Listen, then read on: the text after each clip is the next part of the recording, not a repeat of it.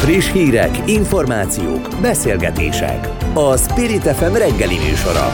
Indítsa velünk a napot, hogy képben legyen. A mikrofonnál Rónai Egon. Jó reggelt, 7 óra 6 perc a pontos idő, március 14-e van, ez egy keddi nap ebben az esztendőben, a Matildok névnapja, hát nem tudom hány Matild éle hazában, de nekik sok boldogságot kívánunk a névnapjuk alkalmából is. Lassacskán tíz éve, egy nap hiány tíz éve, hogy kitört a nagy március 15-i hóvihar, és képzeljék el, most ugye ma 20 fok lesz, de azt mondják, hogy a Tiszántúlon és főleg az északi középhegységben holnap is havazni fog. A mai 20 fok után ugyanis alig lesz 6-8 fok, fönn a magasabb helyeken pedig még kevesebb is. Úgy látszik, ez a március 15-e ez időről időre így alakul. Minden esetre a holnapi programok esetében így tekintsenek a ruház, ruhatárukra, jól fel kell majd öltözni, ez egészen biztos. A mai mai program viszont itt az előttünk álló két órában a közélettel, a politikával telik.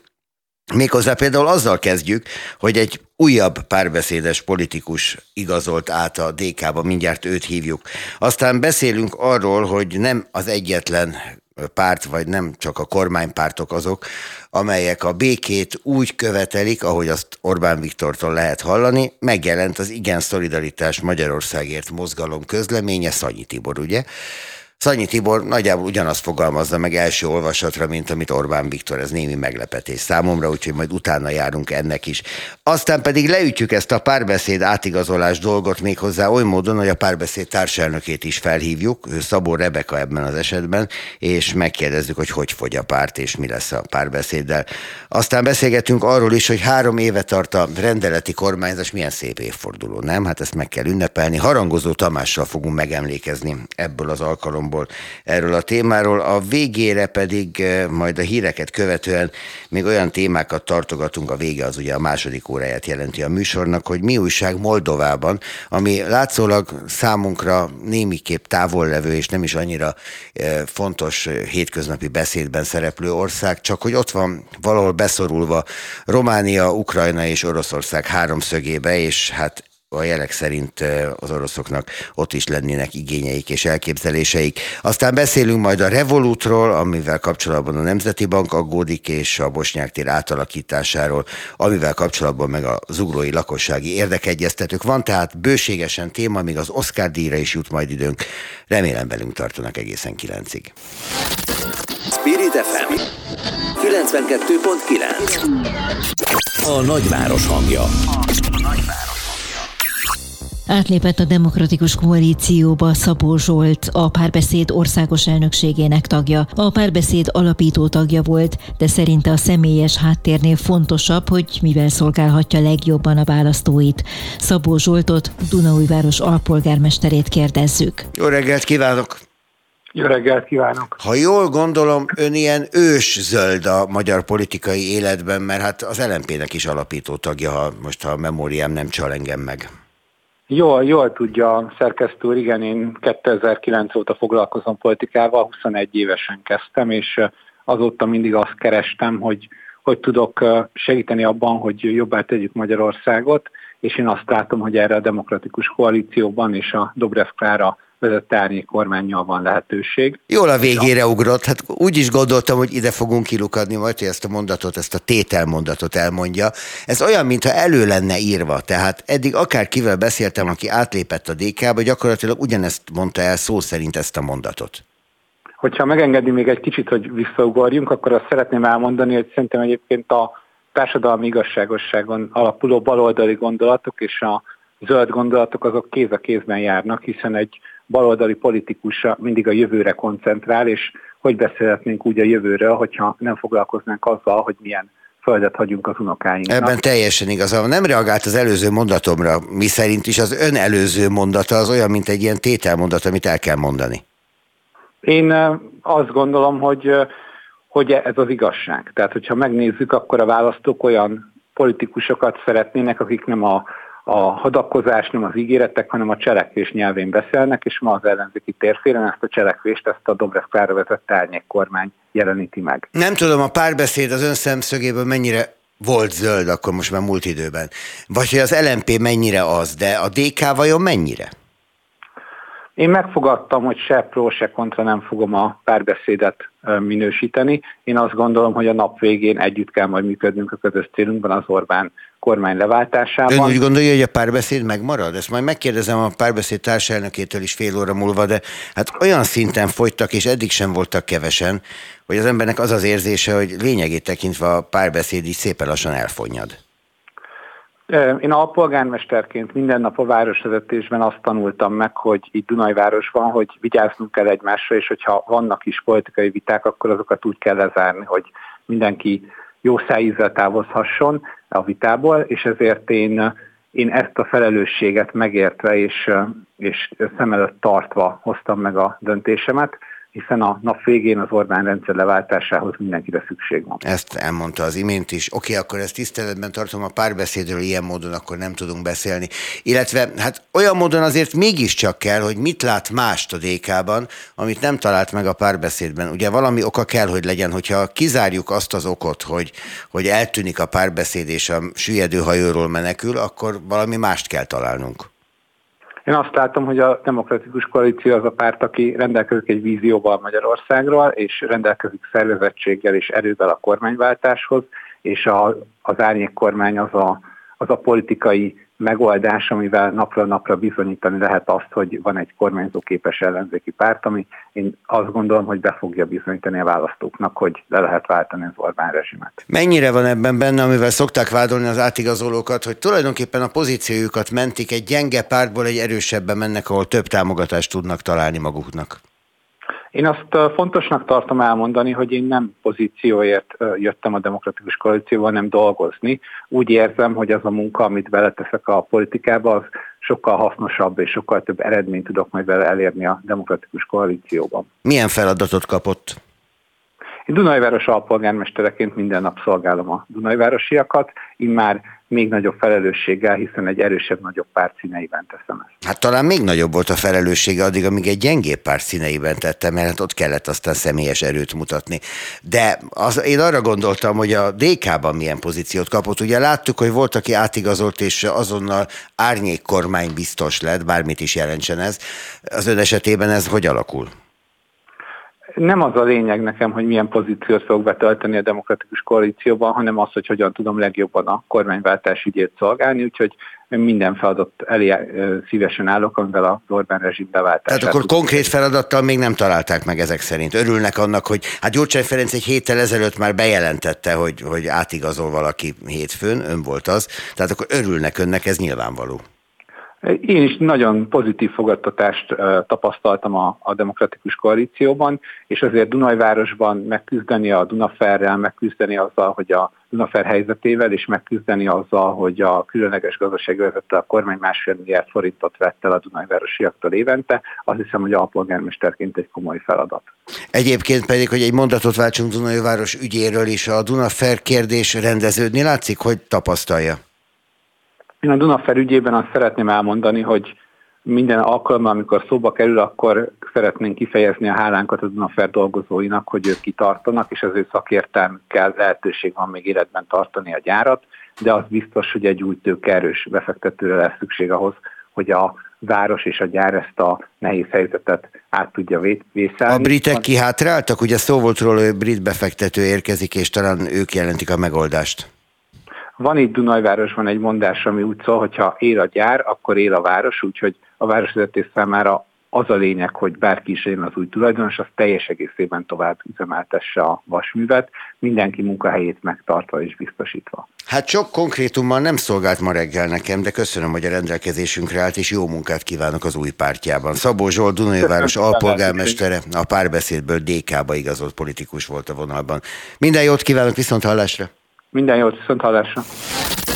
Spirit FM 92.9 A nagyváros hangja.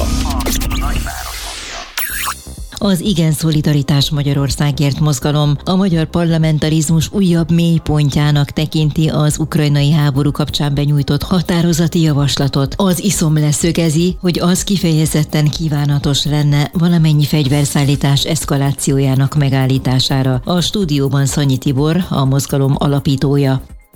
Jó reggelt kívánok itt a stúdióban! Várjon, ez, egy másik, ez a jó is. mikrofon. Nyomkodom az ötös, de a négyes kellett volna. Na, most akkor ezt megoldottuk. Hát jó ötöst jobban szeretem. ötös most nem adok. Viszont az Igen Szolidaritás Magyarországért mozgalom alapítója, vezetőjeként azért Ne, engem meglepett a közlemény, mert a, ha mélyére megyünk annak, hogy az Európa állítsa meg a háborút közleményben mi minden foglaltatik, az nincs nagyon messze attól, amit Orbán Viktor szokott mondani. Tehát béke, tűzszünet, na de hogyan? Nagyon messze van, ugyanis az ördög mindig a részletekben rejlik, tehát most bocsánat, a világon senki nincs messze ilyen értelemben Orbán Viktortól, mindenki békét akar. Nagyon ja, a kell... szólamok szintjén hogy ne, persze, hát Na, ez erről van szó, pontosan erről van szó.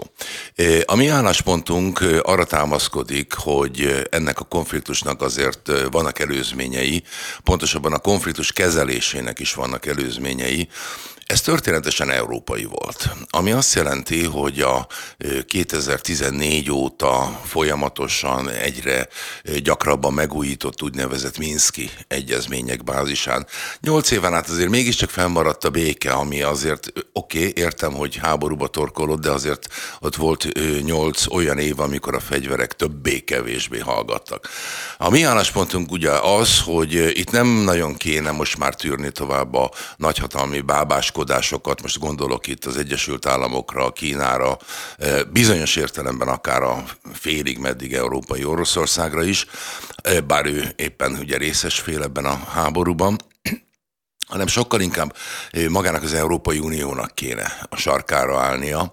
E, erre több oka is van. Az egyik az az, hogy az Unió azért mégiscsak 70 x év békét hozott el a kontinensen a második világháborút követően, a legfőbb ok pedig azért mégiscsak az, hogy akárhonnan nézem, itt az Európai Unió új jövendő határainak a kijelöléséről van szó. Ebben nem nagyon kéne másnak túlzott befolyást Ezt engedni. úgy gondolja, hogy Ukrajna esetleges Európai Uniós csatlakozása ellen lép fel Oroszország, és azt próbálja elérni Ukrajna, és voltak éppen az Európai Unió is. Tehát ez a kijelölés, vagy ennél mélyebbre gondol? Nehéz megmondani, hogy mit akar Oroszország. Annyi személyes szállat hadd említsek, hogy még a 2014-19-es időszakban, amikor európai parlamenti képviselő voltam, pont az Európai Parlament, illetve az ukrán törvényhozás közötti intézményközi testületnek voltam az egyik alá alelnöke. Ennél fogva azt láttam, hogy itt az oroszok nagyon sokat bizonytalankodtak. Tehát hol ezt mondták, hol azt mondták, hol részes félek voltak, hol megfigyelők voltak. Tehát egy ilyen nagyon-nagyon-nagyon bizonytalan talajon volt az orosz politika, viszont ez egyben azt is mutatja, hogy így vagy úgy, de lehetne velük megállapodást kötni. Hát hogy... háború kellős közepén nyilván más megállapodni, mint egy békésebb időszakban, ahol lehet vacilálni azon, hogy mi mellé állok. Ráda... Itt ugye eléggé egyértelműek jelenleg a, a helyzetek. Hát én ezt nem mondanám egyértelműnek. Hát Oroszország mert... egy agresszor, Ukrajna védekezik, a világ pedig, a világ egy jelentős része pedig ebben támogatja. Ebben tökéletesen egyetértünk, ez pontosan így van. Bocsánat. Azonban azt látni kell, hogy Oroszország céljai most is rendkívül sokat változtak a háború alatt, ráadásul ennek a háborúnak az eleje messze menőleg nem úgy nézett ki, mint ahogy most tart, tehát itt azért egy villámháborús képlet volt, ráadásul igazából nem is háborúról volt szó, hanem egy ilyen katonai beavatkozásról, mint, mint annak idején Kazaksztánban, vagy valami, hogy egy-két nap alatt elrendeznek. Egy mindent. rendkívüli helyzet, igen. Tehát én értem, hogy nyilván nem szép dolog katonai erővel valahol kormányt váltani, de ettől függetlenül azért a katonai erővel való kormányváltás és a több százezer ember életét követelő háború között gigantikus különbség. Bár a katonai erővel történő kormányváltás, ha nem belül zajlik, akkor az nem katonai pucs, hanem akkor is háború, mert hiszen egy másik állam lép bele a, ennek az államnak az hát életébe. Igen. Hadd kérdezzek valamit, ami szerintem ebből az megközelítésből nagyon fontos. Orbán Viktor és kormánya, legutóbb a honvédelmi miniszter az Indexen, arról beszél rendszeresen, hogy az Egyesült Államoknak kellene békét kötnie Oroszországgal, az Egyesült Államok nélkül ezt nem lehet, és gyakorlatilag az Egyesült Államok ezt magához is vonta ezt a lehetőséget. Egyetért ezzel? Nem. Például ez egy olyan pont, amikor azt mondom, hogy nagyon-nagyon távol állnak az elképzeléseink a magyar kormány főnézeteitől. Itt arról van szó, hogy azért Európának vannak adói a kezében. Konkrétan mi arra gondolunk, hogy az európai Uniónak most már azért lassan illene véget vetni, hogy az amerikaiak itt az európai kontinensen támaszpontokat tartsanak fönt. Most ne, van, aki ezt úgy fogalmazza, hogy megszállás alatt tartja a második világháború óta Európát az Egyesült Államok. Volt már arra példa... Nem túlzás ez azért? Nem. Végül is ugyanannak a szövetségesi rendszernek vagyunk a része, a NATO, egyrészt, másrészt pedig hát most látható, hogy azért ennek van súlya egy ilyen Igen, csak nincsenek csapatok, nincsenek európai csapatok az Egyesült Államokban, és akkor még hat, tehát ez nem egy kölcsönös. Lenne rá igény? Nem. Hát de, de, de, de, hogy mondjam, ez nem egy kölcsönös szituáció. De akkor eljutunk a következő, bocsánat, eljutunk a következő Orbáni mondathoz, egységes, erős európai haderőkkel. Ez így van, ez egyébként nem Orbán Viktor ötlete, ez nagyon-nagyon régóta az asztalon van. Itt a tagállamok ebben a kérdésben nem nagyon tudtak megállapodni, hogy a reggelre való tekintettel hadd mondjak egy humoros részét ennek a dolognak, és a rossz nyelvek szerint azért nem állt föl még az európai haderő, mert nem tudtak eldönteni, hogy mi legyen a vezénylési nyelv. Na, a tréfát félretéve... Hát, hogy az angolok ne értsék meg az amerikaiak, hisz kívül vannak. Aha, értem. Igen, igen, akkor marad a német meg a franciás, akkor innentől kezdve lehet beszélni. Legyen magyar. Legyen magyar. Azt aztán tényleg nem fogják érteni. Ez kétségtelen, a fegyverek nyelvén ott azért sok minden előfordul. No, egy szó mint száz, az Egyesült Államok azért már volt olyan helyzetben, hogy kifelé ment Európából. Csak pont az ilyen jellegű konfliktusok hívták állandó jelleggel vissza, és mindig keletebbre és keletebbre és keletebbre. Ennek kéne véget vetni. Tehát magyarul az Európai Unió tudna olyan ajánlatot tenni az oroszoknak például, hogy azt mondja, hogy kérem tisztelette, mi csökkentjük az amerikaiak részvételét Európában, ti pedig csökkentitek a haderőtök fölvonulását azon a bizonyos uh, ukrán fronton, mondjuk így. Emlékszik rá, hogy nem emlékezni? Nyilván, amikor Líbiában kitörtek a harcok. Katafi elnök megbuktatása után, és gyakorlatilag nem volt európai flotta, amelyik meg tudta volna oldani a földközi tenger védelmét, amikor arra szükség volt, hanem be kellett hívni az amerikaiakat. Kiderült, hogy még, még haditengerészete sincs elég Európának, miközben körbe van véve tengerekkel és olyan országokkal, ahol hagyományosan ez megvolt. Bizony, Európának a tagországai rendelkeznek bizonyos saját tagországi önálló hadi kapacitással, mindenkinek van valamekkora hadserege, de ahhoz nyilvánvalóan sokkal-sokkal több erőfeszítésre van szükség, hogy, hogy ez egy valódi európai haderővé is tudjon fejlődni. Ezt azért mondom, hogy is, mert az európai haderő az nem, hogy mondjam, tenné fölöslegesen a nemzeti haderőket, ez egy külön történet. Azt a kormányzati elképzelés, hogy kell nekünk egy olyan önálló hadsereg, amely képes a határainkat megvédeni, mondjuk addig, amíg a NATO szövetségesek adott esetben meg nem érkeznek. Tehát, hogy ez egy olyan hadsereget feltételez, amelyik ellenállás képes. Ezt támogatja? Maximálisan, maximálisan, pontosabban támogatnám, ha lenne, történ- kécs, lenne ilyen jellegű elhatározás, mert a szavak szintjén van, de hát az elmúlt tíz évben szinte semmi nem történt ezen a téren, nagyon-nagyon minimális, tehát olyan minimális, hogy az egyszerűen értelmezhetetlen. Most úgy tűnik, hogy van elszántság ez ügyben. Hát még egyszer mondom, elszántság igen, csak ugye például ezt szakértőktől tudtam én is, meg hát néztem nagyot, nevezetesen, hogy a magyar hadsereg vásárolt bizonyos fel, ö, fegyvereket, például tankokat, csak nem vette meg hozzá a szükséges szerviz hátteret. Na most akkor innentől kezdve mi van? Vettünk olyan tankot is, amit nem tudunk átvinni a Dunán, mert nincs olyan híd állítólag, amelyik elbírja. Na ez egy másik, ez egy messzebb vezető kérdés. Most készülnek Dunahidak is, például Mohácsnál wow. majd. Na, hát ugye.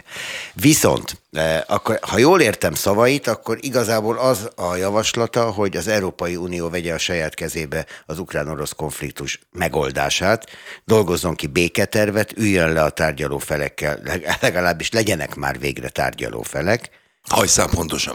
Hajszál és, pontosan. és lépjen előre. Önnek arra is van elképzelés, hogy hogy lehetne ezt elérni? Nekünk vannak felvetéseink, amiket lehet mérlegelni, persze nyilván más felvetéseknek is bőséggel van helye, de talán azzal tudom megvilágítani ezt a szituációt, hogy a már korábban hivatkozott Minszki egyezmények. Azért ez nem az Európai Unió részvételével, hanem abból csupán Franciaország és Németország részvételével álltak össze. Én most, ő vagy mi most azt javasoljuk, hogy állj, ez így kevés.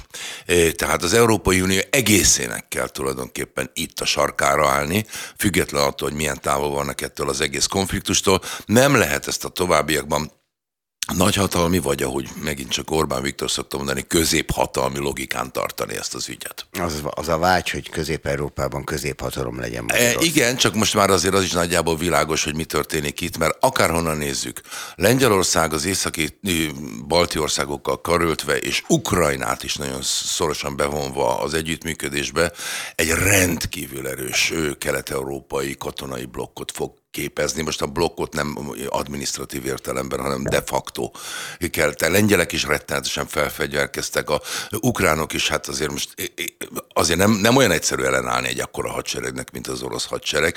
No, Lengyelország egy valódi középhatalom már most.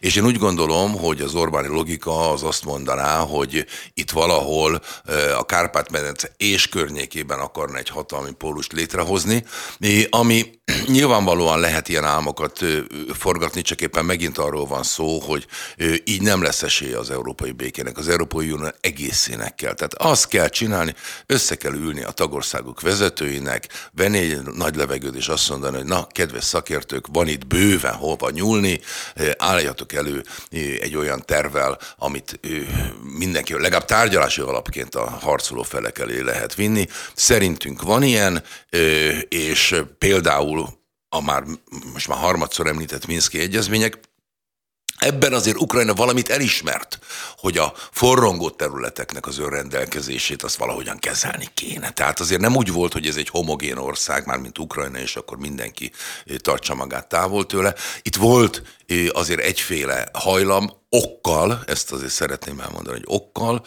tehát azt mondom, hogy Krímnek, illetve a kérdéses területeknek meg kell adni azt az esélyt, hogy egy pár éven belül saját maga tudjon dönteni a sorsáról, ami többféle lehet. Lehet olyan, hogy azt mondják, hogy oké, okay, Oroszországhoz akarunk tartozni. Olyan is lehet, hogy Ukrajnához, de olyan is lehet, hogy oké, okay, önállóak akarunk lenni, és majd Ukrajnával együtt az Európai Unióhoz csatlakozunk, akkor meg úgyis fölöslegessé válnak a határok. Mint Bár ahogy... ez az utóbbi a legkevésbé valószínű itt a fegyverek árnyékában, mert az a fegyverek ott maradnak a közelben. Igen, de aki békében legyen. gondolkodik, az, az, az nem csak a béke a tűzszünet pillanatát nézi, hanem azt, hogy mi lesz tíz év múlva. Hát ez a legnehezebb ebben a konfliktusban Igen. megint, mint a legtöbben egyébként. Egy utolsó mondat, mert már mindenen túl vagyunk, leginkább az időn. Jaj. Mi van az iszommal? Mert én elmondtam, hogy az iszom alapítója, de létezik ez a párt egyáltalán még?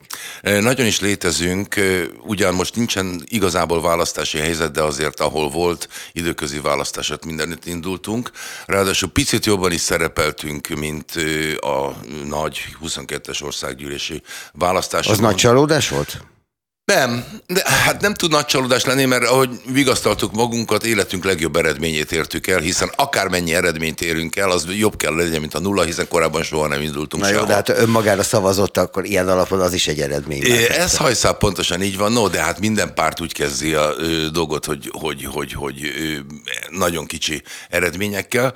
Azt kell mondjam, hogy szalmogás van, és ö, ez persze nagyon meg fog változni most a ö, együttes önkormányzati, illetve európai parlamenti választásokon, mert itt azért elkülönítettük a dolgunkat, ugyanis az ISZAM alapítói között ott van a magyar szolidaritás mozgalomnak a, a, a, a szellemisége, a tagsága, és a magyar szolidaritás mozgalom önállóan kíván indulni, vagy hát szövetségi rendszerekben az önkormányzati választásokba. Mi pártként ezeket fogjuk támogatni, tehát pártként nem indulunk az önkormányzati választásokon.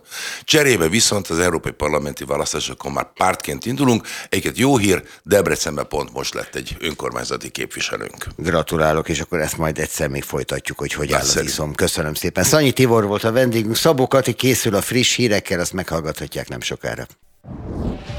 Friss hírek, információk, beszélgetések. A Spirit FM reggeli műsora. Indítsa velünk a napot, hogy képben legyen. A műsorvezető Rónai Egon.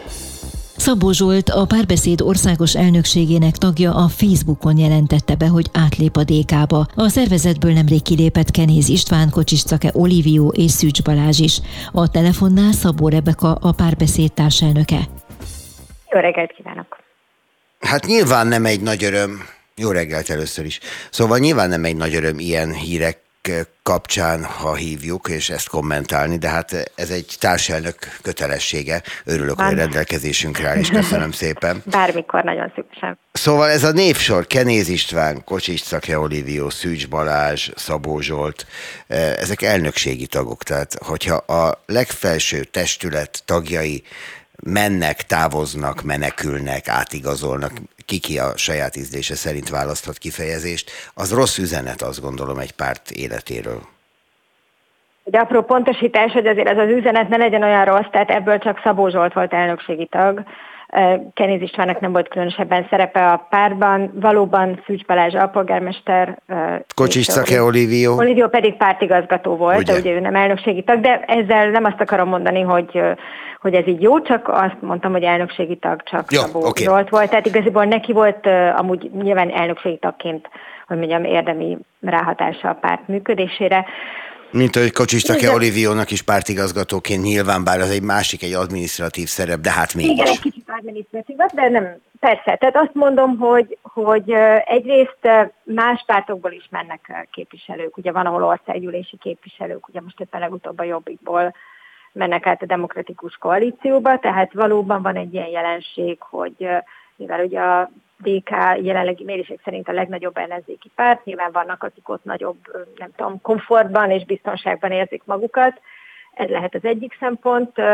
A másik meg az, hogy, hogy talán nyilván a, a párbeszédnek a karakteres zöld politikája, a rendszer szemlélete, a rendszer kritikussága elképzelhető, hogy ez egy másik választói rétegnek szimpatikus, és elképzelhető, hogy ez is lehet az oka annak, hogy Elnök asszony, akkor várjon, várjon egy picit. Azt mondja, hogy karakteres a párbeszéd politikája. Ez miben nyilvánul meg? Mert hogy például Szabó Zsolt egy ilyen ős zöld, tehát LMP alapító, párbeszéd alapító, amikor kiváltak az LMP-ből jó néhányan köztükön is, önökkel együtt ment. Tehát, hogyha rá nem lehet azt mondani, hogy nem elég zöld, és a karakteres zöld politikáját a párbeszédnek nem támogatja.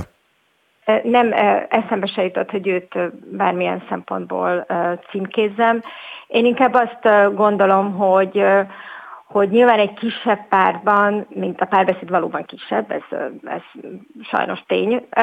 Nyilván minden politikus azt szeretné, ha az ő pártja lenne nagyobb, de hogy egy kisebb pártban talán kevésbé, hogy mondjam, kiegyensúlyozott a politizálás, vagy több kihívással kell szembenézni. De hát én azt gondolom egyébként, hogy, hogy a, ebben az Orbános, a Orbán Viktor által uralt kétharmados rendszerben minden ellenzéki pártra szükség van. És mi a párbeszédben mindig is egyébként az együttműködés híve voltunk, ez ugye kiderült már akkor is, amikor az előválasztás, mint eszközt javasoltuk uh, arra, hogy akkor úgy dőljön el, hogy uh, ki indul a Fidesz jelöltjével szemben.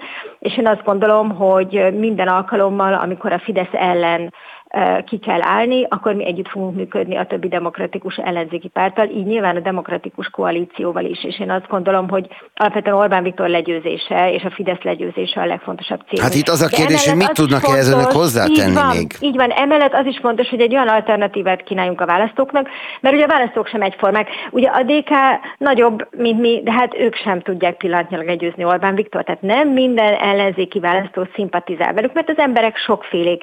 És ha már itt most a különbségeknél tartunk. Nyilván a párbeszéd nem csak abban különbözik a DK-tól, hogy nekünk mondjuk nincsen offshore érintettségű országgyűlési képviselőnk, míg ugye nekik most már van, hanem például abban is, hogy egy ilyen ügyet, mint ami ugye most volt a, az a tragikus baleset az M1 autópálya mentén, hogy mi nem a hatósági oldalról közelítettük meg első körben ezt a problémát, mint a DK tette, hanem azt mondtam, hogy nézzük meg, hogy ezeket a porviharokat mi okozza. És itt bejön az a Hát a szél, de miért okoz porvihart a szél? Azért, mert olyan a mezőgazdasági művelés Magyarországon, ami azt támogatja, hogy nagyon hosszú időre üresen parlagon hagyjanak ö, talajokat, és ez a talaj eróziójához vezet, a szél erózióhoz.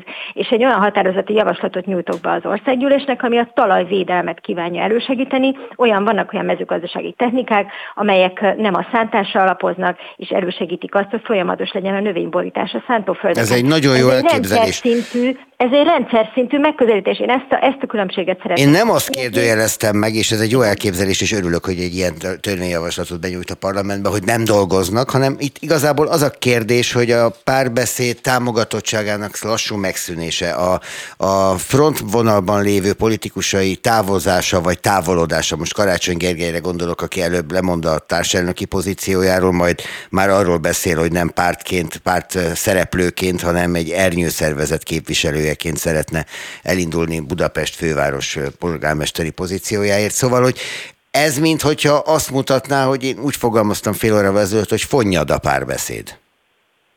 Párbeszéd szerencsére nem fonja, de ezt azért mi belül érezzük, hogy folyamatosan van érdeklődés a párt irány, és pont azok az emberek, akik egy kicsit a rendszerkritikusabb, akár a kapitalizmus kritikus, rendszer szintű zöld megoldásokat valóban fontosnak érzik, ezek az emberek keresnek minket. Egyébként Karácsony Gergely nem távolodik egyáltalán a párbeszédtől, ő továbbra is a párbeszéd tagja, de nyilvánvalóan főpolgármesterként neki hatalmas felelőssége van, és neki az egy nagyon fontos felelőssége, hogy a várost, hogy mondjam, ne engedje át a, a, a Fidesznek, hiszen láttuk azt, hogy korábban is Orbán Viktor csak olyan főpolgármestert engedne, aki az ő bábja lenne, Karácsony Gergely pedig egy valódi zöld politikát valósít meg a fővárosban, tehát neki nyilván azt kell megnéznie, hogy a követ következő választáson nem csak az a kérdés, hogy ő hogyan tud nyerni, hanem hogy hogyan tudják az ellenzéki pártok a kerületekben is uh, nyilván a vezetést vagy megőrizni, vagy megszerezni. Elnök azt, hogy mondja, nincs ebben a, a sok távozásban, és nem csak önöknél, hanem ugye mennek a Momentumból is, a, a, amely Momentumra nem lehet azt mondani, hogy nincs esélye mondjuk bejutni a következő parlamenti választásra, legalábbis a mérések ezt mutatják. Szóval ebben nincs valami olyan gondolkodásmód, hogy valahogy egy politikus is egy pályaképet lát maga előtt, és azt szeretné biztosítani, hogy politikus maradhasson, és ez egy nagy pártban valószínűleg sokkal könnyebbnek tűnik, tűnik, mint egy 5% alatt mért kispártban. Én ezt el tudom képzelni, hogy ez is szerepel, igen, az indokok között. Erre én is utaltam, hogy a nagyobb pártokban talán könnyebb esélyt kapni. De nézze, én azt gondolom, hogy van, amikor jobban számít egy közösség érdeke, és van, amikor az emberek úgy döntenek, hogy az ő személyes érdekeik számítanak. Én ezt nem szeretném mérlegre tenni, vagy címkézni. Én azt gondolom, hogy mindenki politizáljon abban a pártban, ahol szeretne, és igaziból nekünk politikai közösségként, egy baloldali zöld pártként az a dolgunk, hogy megtaláljuk azokat a választókat, és feléjük értelmesen kommunikáljuk azt, hogy mi mire értékeket vallunk, és mi mit szeretnénk, akik, akik ezekkel szimpatizálnak. Még egy utolsó kérdést ez ügyben engedje meg, aztán tényleg nem nyúzom ezzel már tovább. Azt mondta Kunhalmi Ágnes pár héttel ezelőtt, hogy neki konkrét információi vannak arról, hogy a DK zsarolással visz át politikusokat magához, leginkább önkormányzatokból, oly módon, hogy nem kapnak támogatást az önkormányzati képviselők, polgármesterek, polgármester helyettesek, alpolgármesterek a következő választáson, hogyha nem DK békás színekben indulnak ők el. Erről mit tud? Ez Kunhalmi Ágnes információja, hogyha ő ezt mondta, vagy ezt hallotta, akkor biztos, hogy neki erre volt Önökhöz nem jutott el ilyen? Én el tudom képzelni, hogy akár ilyen is lehetett, de azt gondolom, hogy, hogy ez innen megint aztán egyéni mérlegelés kérdése, hogy ki mondjuk egy ilyen megkeresésre hogyan reagál. Én azt gondolom, hogy hogy mi ilyet nyilvánvalóan nem tennénk, és már csak azért sem, mert az önkormányzati választáson is egyébként úgyis együtt kell működni az ellenzéki pártoknak, tehát ezt csak így a választóknak szeretném üzenni, hogyha esetleg aggódnak azon, hogy itt most úgy tűnik, hogy a, az ellenzéki pártok, nem tudom, valamiféle konfliktus van. Persze konfliktusok léteznek, de alapvetően én azt gondolom, és a párbeszéd emellett fog kiállni, hogy a mi baloldali zöld karakterünk fontos, de az önkormányzati választáson az még fontosabb, hogy együttműködjünk, hiszen máshogyan nem fogjuk tudni legyőzni a Fidesz jelöltjét. Egyébként ezért utalok vissza, a Karácsony stratégiájára is, amire rákérdezett, és akár a Jászberényi választás is időközi is megmutatta, meg más időközi választások is, hogy ebben az Orbán rendszerben Orbán kétharmadával szemben együtt kell működni az ellenzéki pártoknak, és én azt gondolom, hogy ebben lesz a végén megegyezés. A párbeszéd társadalmak a Szabó Reveka volt a vonalban. Köszönöm, hogy ebben a nehéz helyzetben is a rendelkezésünkre állt. Viszont hallásra. Nagyon szépen köszönöm a lehetőséget. Viszont hallásra. Spirit FM 92.9 A nagyváros hangja. Három éve van rendeleti kormányzás, 2020-ban még a koronavírus miatt vezették be a különleges jogrend szerinti veszélyhelyzetet, most pedig háborús veszélyhelyzet van érvényben június végéig. A vonalban Harangozó Tamás, az MSZP országgyűlési képviselője. Hát mondhatnám, hogy milyen szép ünnep ez a harmadik évforduló, de nem az. Akkor óriási volt a pánik, és sokan nagyon megijedtek, amikor jött a Covid és a rendeleti kormányzás. Most már voltak éppen ez úgy zajlik, hogy fel sem kapjuk a fejünket, hogy a kormány rendelettel törvénykezett. Jó reggelt kívánok! Jó reggelt kívánok! Megszoktuk, pontos, igaz? Pont, pont, igen, pontos az elemzése. Az átlag, átlag emberek, vagy a, hogy mondjam, a politikával, a joggal kevésbé foglalkozók biztos. Azért azt gondolom, hogy nincs a jogász, aki még valami alkotmányos időszakban szerezte a diplomáját, és nem forog a gyomra nap, mint nap. Főleg azért kapunk rá okot, mert hiába volt az az ígéret, és ugye egy, gyakorlatilag egy ilyen gumiszabály van a rendeletben, hogy a éppen aktuális valamilyen rendkívüli helyzettel összefüggésbe lehet csak ezt a rendeleti kormányzást használni. Most jelen pillanatban háború, szomszédunkban dúló háborúval kapcsolatban. Ez például a tanárok kirúgásának szabályait átírni az ukrán háborúval kapcsolatban, ugye azt ugye szerintem mindenki egyszerűen érti, hogy ez nem, de semminek nem felel meg, még a saját szabályaiknak sem. Éppen ezért például ebben az ügyben alkotmánybírósághoz fogunk fordulni a szakszervezetekkel együtt. Nem Ami majd konkrétan... három év múlva megállapítja, hogy hát nincs véleménye. Azt meglátjuk. Ugye egyetlen kisebb, nagyobb sikerünk volt, igaz, hogy az se egy hónap alatt, de például a Balaton beépítésével kapcsolatos alkotmánybírósági beadványunk végül is hosszú évek után most itt eh, meghallgatásra került, és talán emlékszik hogy tavaly nyáron gyakorlatilag az alkotmánybíróság ezt a mindenki azt épít oda a Balatonra, ahova akar típusú törvényt, ezt eh, kihajította, meg semmisítette.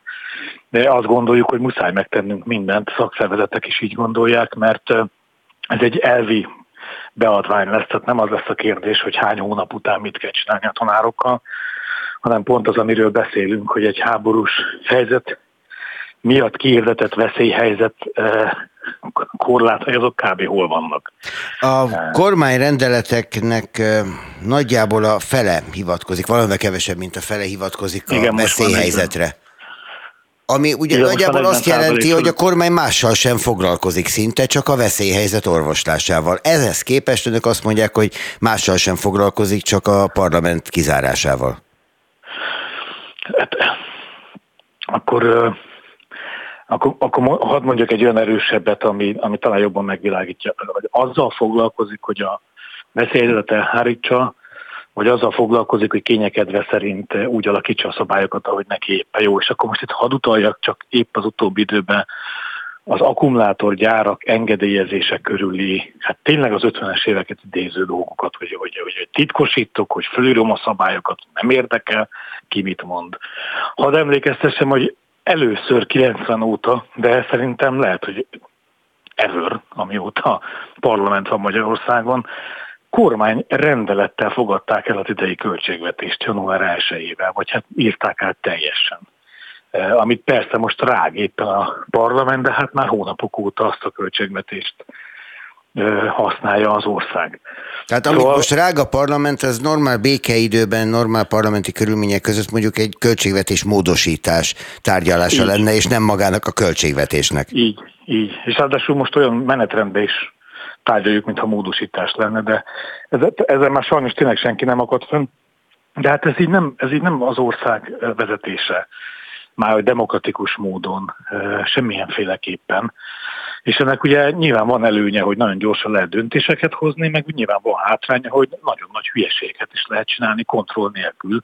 És én azt gondolom, hogy ez utóbbiból sem kevés van. Van egy közleménye az ön pártjának, az MSZP-nek, ami ezzel foglalkozik, és aminek a, a vég konklúziója, a következtetés maga az az, hogy ameddig ez a különleges jogrend él, amit a kormánypártok bevezettek, addig az Európai Bizottsággal történő megegyezési szándék, egy fideszes színjáték csupán. Az Európai Bizottságnak volt a, a rendeleti kormányzással kapcsolatos véleménye?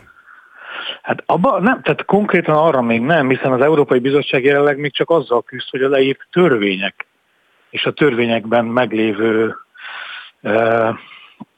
intézményi felállások sem felelnek meg a legalapvetőbb európai értékeknek, például az igazságügy, igazságszolgáltatás, bocsánat, igazságszolgáltatás területén a bírósági hivatallal, a bírók önigazgatásának elvételével, a kinevezési jogkör visszaélésszerű használásával, az ügymenetbe való szemlátomást politikai beleszólásokkal. Tehát itt, itt tartunk. Ez sincs megoldva, de ugye éppen erre szerettük volna felhívni a figyelmet, hogy tegyük föl véletlenül valamilyen rejtés oknál fogva a magyar parlament Fideszes többsége ezeket a csorbákat kiköszörüli mind, akkor is aznap éjjel, amikor azt a törvényt kihirdették, aznap éjjel 11-kor kiadhatnak egy rendeletet, hogy BBB nem is úgy van. Ami szerintem egészen elképesztő ilyen országba kerül. Hát nyilván ezt, ezt nem teszik meg, vagy nyilván nem tehetik meg, mert attól, hogy elfogadja az Európai Bizottság a módosításokat, még nem érkezik automatikusan a pénz, és ugye azért azt lássuk be, hogy ezek a módosítások javarészt nem a, a hogy mondjam, a meggyőződésük, hanem a, igazából a pénzre való vágyakozás alapján születnek. Persze, ebben igaza van, de akár a kétharmados többség, akár rendeleti kormányzással is bármelyik területen, még egyszer mondom, ahol valamilyen előrelépést ért, ért el az Európai Bizottság az ország demokratikus viszonyait tekintve, bármelyik pillanatban róla jól össze tudják csinálni. Most mondok egy példát, lehet, hogy nem holnap, de mondjuk amikor megérkeztek az uniós források és készülnek a következő választásokra, akkor előtte néhány hónappal simán visszacsinálhatnak bármit, hogy nekik politikailag fontos. Ugye szóval, ezt akkor tudnák ellensúlyozni valamivel, hogyha erős lenne az ellenzék. Hogyha ha lenne mit félnie ettől a kormánynak, és nem merné megtenni, mert annak milyen erős visszhangja lesz az országban. Mert hogy ez csalás, ez becsapása mindenkinek, tehát ezt nyilván nem lehet megtenni következmény nélkül. Mondanám én egy erős ellenzék mellett. Persze, önnek igaza van, de ugye azt egyet ne felejtsük el, hogy azért itt a három millió Fideszes szavazóval szemben volt két millió ellenzéki szavazó, és egy olyan rendszerben élünk, ahol a két millió ellenzéki szavazónak nem jár egy egyharmados kisebbség se a parlamentben, Rónai úr. Ez nem normális. Ha nem lenne kétharmada a Fidesznek, én sokkal, sokkal, sokkal erősebbnek érezni ezt az ellenzéket, már pedig a szavazatszámban megvolt. A parlamenti viszonyokban nincs. De hát, hát ugye erre szokták mondani, hogy ez volt a választási törvény, igen, ennek tudatában indultak a pártok a választásnak neki, meg így szavaztak az emberek is ennek tudatában, már amennyire általában a választópolgár hát ismeri a törvényeket. igen, azért nem Viszont van két hete a kormánynak, hogy bizonyos március 31-ig benyújtandó és elfogadandó törvénymódosításokat eszközöljön, pontosan az Európai Bizottsággal folytatott vitái le lezárására. Nem tudom, mennyire követi, mennyire látja a parlamenti menetrendet, de látja ezeknek a törvényeknek a megjelenését? Nem, egyőre erről se kép se hang, és ugye 20-án kezdünk legközelebb. Tehát vagy ilyen eh, két nap alatt, egy nap alatt, egy hét alatt elfogadott eh, javaslatokkal lehet majd operálniuk, ami ugye azért nonsens, mert az Európai Bizottság egyik kikötése volt, hogy fejezzék be ezeket az egynapos törvényhozásokat, tehát eh, nem tudom, sürgős tárgyalás még kérhetnek, az is két hét. Az igazság, hogy csütörtökön lesz házbizottsági anyag, akkor fogjuk látni. Például azt is, hogy a NATO svéd-finn csatlakozás még mindig ott van-e a jövő heti menetrendben. Én most éppen Varsóban vagyok egy NATO parlamenti közgyűlési rendezvényen, és hát nyilván mindenkit rettenetesen foglalkoztat, hogy meddig él még vissza a magyar kormány ennek a két népnek a a biztonság érzetével és a biztonságával. Az a helyzet, hogy csak azért hoztam ezt ide, mert ha a jövő heti menetrendről a NATO csatlakozást le lesz akkor annak azt hiszem, hogy a beismerését már nem kell keresnünk, hogy ez az uniós pénzekkel való zsarolásnak egy játéka. Ha ott lesz jövő héten, akkor azt gondolom, hogy végre Magyarország egy picit le fog jönni a szégyenpadról, majd meglátjuk. Az a békenyilatkozat, ami a parlament elé került, az valahogy előkerült a NATO tagországok küldöttségeivel folytatott beszélgetésekben, akár nyilván ezek ilyen magánbeszélgetések lehetnek, vagy van, van egyáltalán ennek valamiféle híre? Van, sajnos mindennek van, ami nálunk történik, mert, mert nem akarják elhinni a nyugati, de a keleti partnereink se, hogy, hogy hogy miket csinál a magyar kormány. Persze, én például ugye mondtam itt inkább magánbeszélgetésben, én tanács nyilván nincs is helye, meg idő erre, de azért elmondtam a saját módosító javaslatunkat, hogy az ENSZ-nek azt a dokumentumát kívánjuk a magyar parlamenttel elfogadtatni, amit maga a Fidesz, mint előterjesztő jegyezés meg is szavazott. De azért egy nagyon fontos mondat benne van, hogy a háborúnak akkor tud vége lenni, hogyha az oroszok feltétel nélkül is azonnal elhagyják Ukrajnát. Tehát itt most Lengyelországban, Rónai úr, elképesztő, hogy a történelmük, a saját tapasztalatuk, a minden miatt, amit azért nagyjából tudunk Magyarországon, de itt elképesztő volt szembesülni vele, hogy ebben a kérdésben teljesen mindegy, hogy a Szejm kormánypárti eh, marsalja, a kormány valamelyik tagja, államtitkára, vagy tegnap délután a ugye a legnépszerűbb ellenzéki politikus, a Varsói főpolgármesterrel találkozva beszéltünk, eh, az, hogy Oroszországot meg kell állítani, és hogy ez egy egzisztenciális kérdés, tehát élet-halál kérdése a közép-európai térségnek. Itt, itt idézték tegnap, hogy 2010-ben már az egyik vezető politikusok lenyilatkoztak Grúzia után, hogy uh, Ukrajna, Baltikum és Lengyelország fog következni, és mindenki kinevette ezt a politikusokat, most meg nagyjából ezt uh, éljük meg. Szóval itt teljesen máshogy látják ezt a dolgot, és uh, nyilvánvalóan nagyon, nagyon érdekli az is őket, hogy Magyarországon, hát ők, ahogy ők látják, főleg a V4-en belül is, hogy miért fordult mi el történik a itt nálunk? Ami, aminek, aminek eddig megbecsült tagja volt. Hát, hogy mi történik nálunk, arra itt van egy, egy friss hír, nem tudom, erre tud-e akar-e reagálni, nyilván nem olvasta, éjszaka jelent meg a magyar közlönyben a kormány rendelete. A, a címek gyönyörűek, és azt gondolom, hogy sokat mondóak. A nemzetgazdaság védelmi és biztonsági felkészítésének mozgósításának szabályáról és hát ebben, ebben egészen elképesztő kifejezések, védelemgazdasági alapterv és hasonlók szerepelnek. Fú, nagyon-nagyon-nagyon hosszú beszélgetés lenne ez. Egy eltalált engem ezzel, mert azon nagyon kevés képviselők közé tartoztam, aki nagyon sokat próbált beszélni erről, amikor ez alaptörvénymódosítás és a védelmi és biztonsági törvény, illetve a honvédelmi törvény módosítása formájában a parlament előtt volt, talán nem, bizonyára valamennyire emlékszik rá ön is, ugye ez írja át a rendkívüli joghely, jogrendeket is. Erre mondtam azt, hogy most már a honvédséget egyébként be lehet elvi szinten, engedélyezési szinten be lehet majd vetni a saját lakossága ellen is, és hogy csináltak egy olyan védelmi és biztonsági törvényt, ami gyakorlatilag már béke időben is fölírva minden törvényt itt a magánviszonyokba is bele a cég, céges dolgokba is bele kontárkodhat majd. És hát Úgy gondolja, hogy ezt terjesztették most ki ezzel?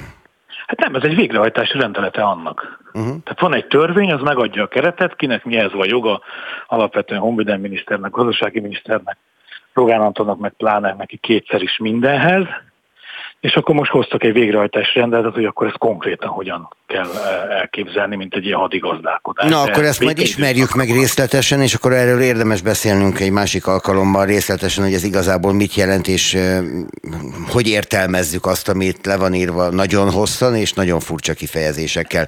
Igen, igen, azért kell idő, hogy konkrétan megnézzük, de a, csak azt akartam mondani, hogy a rendszer most válik egészé. Ez egy alaptörvény, egy törvény, kétharmados törvény és most egy rendelet formájában. Harangozó Tamás, köszönöm szépen a rendelkezésünkre. Hát jó munkát Varsóban, és jó utat köszönöm. hazafelé. Viszont hallásra. Viszont. Friss hírek, információk, beszélgetések. A Spirit FM reggeli műsora. Indítsa velünk a napot, hogy képben legyen. A mikrofonnál Rónai Egon. Március 14-én köszöntöm Önöket 8 óra 7 perckor. Toró Nikoletta a ma reggeli műsor szerkesztője, és hogy miket rakott össze a következő órára, már mondom is. Beszélgetünk például egy nagyon izgalmas térségről, Moldováról, ami nagyon nincs a szemünk előtt általában, pedig nincs tőlünk túlságosan távol. Ugye Ukrajna és Románia közé ékelődik be ez a kis állam, egy kétmilliós állam, ami ráadásul ketté szakítva él 30 éve, és a ketté szakítottság ez most az ukrán háború fényében és tükrében különösen érdekesé teszi az ő helyzetüket, mert az egyik fele az orosz ajkúaké, Ők gyakorlatilag kiszakadtak, és egy senki által el nem ismert köztársaságot formálnak, ahol orosz katonák vannak, a másik része pedig az Európai Unióba szeretne csatlakozni, ez a mindenki által elismert moldovai köztársaság. Na ennek a helyzetéről fogunk beszélgetni, főleg azért, mert hogy itt a fenyegető mondatok elhangzottak Moszkvából is már, és hát nyilván érdekes lehet, hogy mi történik ott a közeljövőben. A Külügyi és Külgazdasági Intézet elemzőjét fogom keresni. Aztán a Magyar Nemzeti Bank felügyeleti szóivője szólal majd meg az adásban, mert a Magyar Nemzeti Bank aggódik a Revolut miatt, és más hasonló platformok miatt, és a pénzünket nem érzi biztonságban. Ha ők nem érzik biztonságban, akkor tudjuk meg, hogy miért nem. A Revoluton túl pedig a zuglói lakossági érdekegyeztetők kapnak szót. A Bosnyák tér átalakításán megy a vita az önkormányzattal is, a fővárossal is, és hát talán egymás köz zuglóiak között is. Mindjárt majd azt is megtudjuk, hogy ennek mi lehet a magyarázata. És aztán volt egy Oscar gála, az nekem különösebben nem volt izgalmas, mert elég kevés filmet láttam azok közül, az alkotások közül, amelyek díjazottak voltak. A filmbolondok nyilván ennél sokkal mélyebben ismerik a dolgokat, és hát voltak azért izgalmak, meg voltak olyan momentumok, amikről érdemes megemlékeznünk majd Kovács Gellért filmszerésszel, úgyhogy ezt fogjuk tenni, és így telik az előttünk álló egy óra. Spirit FM 92.9 A nagyváros hangja. A nagyváros. Ezrek vettek részt a kormányellenes tüntetésen a moldovai fővárosban vasárnap. Az amerikai hírszerzés szerint Oroszország pucsot készít elő Moldovában, hogy egy orosz barát kormány kerüljön az ország élére. Barabás T. Jánossal, a Külügyi és Külgazdasági Intézet szakértőjével beszélgetünk. Jó reggelt kívánok! Jó reggelt kívánok! Barabás Tibor János vagyok, parancsoljon. Szokott nagyot tévedni az amerikai hírszerzés, amikor arra, arról számol be, hogy pucs készül egy országban? Hát ebben az esetben nem. Tehát a, ugye az ukrajnai háború kirobbanását is az amerikaiak jósolták meg leginkább. Ez a orosz beavatkozás, befolyás növelési kísérlet Moldovában egyébként egyértelmű, nincs mit tagadni ezen. Moldovában fogható orosz tévécsatornák erősen kritizálják a moldovai kormányt például, de azt is említhetném, hogy vasárnap folyamán a belügyminiszter, a moldovai belügyminiszter bejelentette, hogy több mint 50 egyént tartóztattak le, közöttük legalább tíz orosz állampolgárt, akik erőszakos cselekményekre készültek, szervezkedtek. Ugye itt egy érdekes helyzet van, erre utaltam a bevezetőben már, hogy Moldova és Ukrajna között van egy kis szakadár állam, a Nyesztermenti Köztársaság, ez a Transnistria, amelyik idestova 30 esztendeje kiszakadt Moldovából, senki nem ismeri el a világon Oroszországon kívül, de de ők egy jó bázist jelenthetnének az orosz szándékoknak. Igen, ezt, ez többször elhangzik, de ezt tudni kell, hogy Transnistriában van egy 1500 fős orosz katonaság, és a helyi transznisztriai fegyveres erők sem haladják meg a pár ezeres létszámot. Tehát katonailag ők nem jelentenek fenyegetést Ukrajna számára. Ez gyakorlatilag két-három uh, gyalogos uh, motorizált dandár, tehát katonailag nem egy tényleg. Nem is arra gondoltam, hogy Ukrajna felé jelentenek fenyegetést, hanem maga Moldova irányába adott esetben, hogyha az oroszok be akarnak avatkozni. Ugye volt erre már utaló mondat, mert hogy hallhattuk Szergei Lavrovtól, hogyha kell, akkor ők megvédik Moldovában is az orosz ajkúak érdekeit. Na, ez így kezdődött Ukrajnában is. Igen, hát egyelőre ez az orosz ajkok érdekének a védelme inkább egy hibrid háborúval zajlik, ami ebben nincs benne a fegyveres konfliktus, akkor lenne ez egy valós veszély, hogyha Oroszország elfoglalná Odessa térségét, de ez egy partraszállás kell, ami nem valószínű, hogy közeljövő meg fog történni. Hát talán ez most távolabb van az ukrán hadi helyzetet ismerve, mint mondjuk volt fél évvel, három évvel ezelőtt, amikor délen nyomultak előre, még az oroszok most inkább ott visszaszorulóban vannak. Így van. Az, ami Moldova jelentősége az Európai Unió, és hát számunkra is, az nyilván az, hogy egy puffer állam, amelyik csatlakozna az Európai Unióhoz. Éppen ez lehet a szálka Moszkva szemében, nem? Igen, tehát ezt tudni kell, hogy Oroszországban a nacionalizmus egyben imperializmus is, és az oroszok többsége úgy gondolja, hogy jogos igényeik vannak Moldovában, Ukrajnában, Grúziában, a, a posztszovjet térségben, és ugyanakkor viszont Moldova hagyományosan egy erőkivetítést is jelent a moldovai jelenlét oroszok számára a Balkán felé. Az oroszok úgy fogják föl az orosz stratégák, hogy szükségük van a Fekete-tenger térségére és a Balkára, olyan szempontból, hogy a be, politikai befolyások ebben a térségben érvényesüljön, mert egyébként Oroszország ellene szigetelve a világtól. Tehát ez két-háromszáz éve egy komoly orosz szándék, hogy a Fekete-tengeren, a Dunatorkolatánál, a Balkánon jelen legyenek. Ez orosz biztonságpolitikai felfogás, és másik fontos cél pedig az, hogy Oroszország el akarja vonni a figyelmet a Donbassi harcokról, ezért is gerjeszt most feszültségeket Moldovai köztársaságban is, Grúziában, Georgiában is. Az, hogyha Moldovában sikerül elérniük egy kormányváltást, azt pucsnak érdemes tekintenünk? Hát mindenképpen erőszakos alkotmányellenes cselekedetnek, hiszen törvényesen megválasztott kormány van a Moldovai Köztársaságban, a PASZ nevű pártnak több mint kétharmados többsége van a parlamentben, tehát ilyen értelemben belpolitikai stabilitás lenne. Az, a feszültségek egyik forrása az, hogy az elmúlt években jelentősen csökkent az életszínvonal, ugye megdrágult nagyon az energia, beindult az infláció, súlyosbodott a nyomor, és emiatt a lakosság egy nagyobb része támogatja az ellenzéki pártokat, a szocialistákat és a SOR nevű pártot, akik viszont orosz barátok. Most így körülbelül már a felénél vannak a felmérésekben az ellenzéki pártok, úgyhogy a, a Moszkvában, meg Kisinóban az ellenzék úgy gondolja, hogy utcai megmozdulásokkal, erőszakos cselekedetekkel, például azzal, hogy elfoglaljanak középületeket, áttörjenek rendőrkordonokat, belpolitikai válságot tudnának előidézni, és ezáltal előrehozott választásokat.